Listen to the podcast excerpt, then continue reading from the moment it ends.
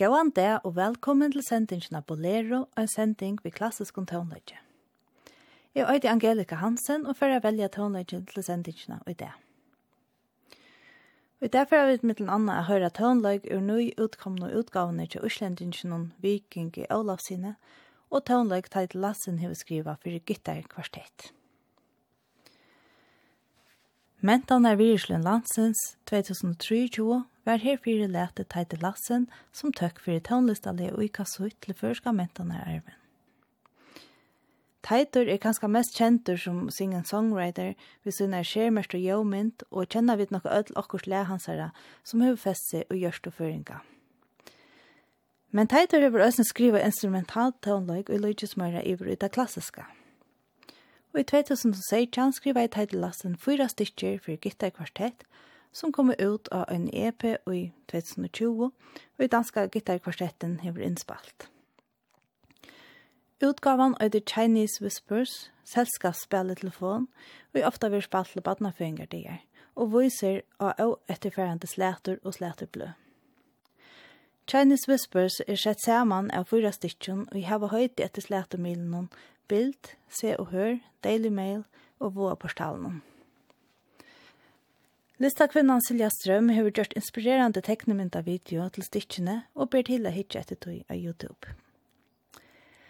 Tei og i manna danske gittarkvartettene er Christian Lager, Tia Vesti Petersen, Martin Steer Haugard og Simon Junker Tang. Vi tar nu Chinese Whispers etter Teite Lassen til danske gittarkvartetten og spiller.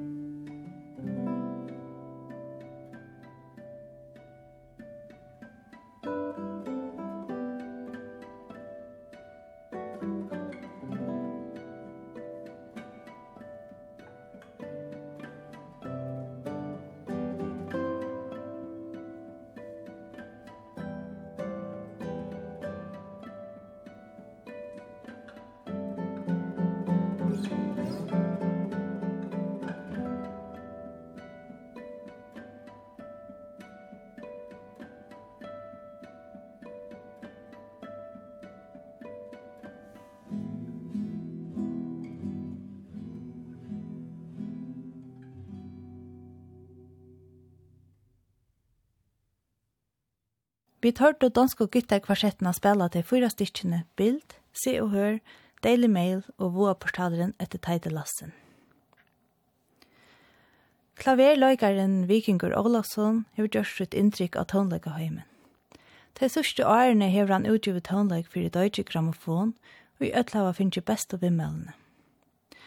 Tonlegger vi Philip Glass i 2016, Johan Sebastian Bach i 2018, Debussy og Rameau i 2020, Mozart i 2021 og stittre Stitcher from afar i 2022.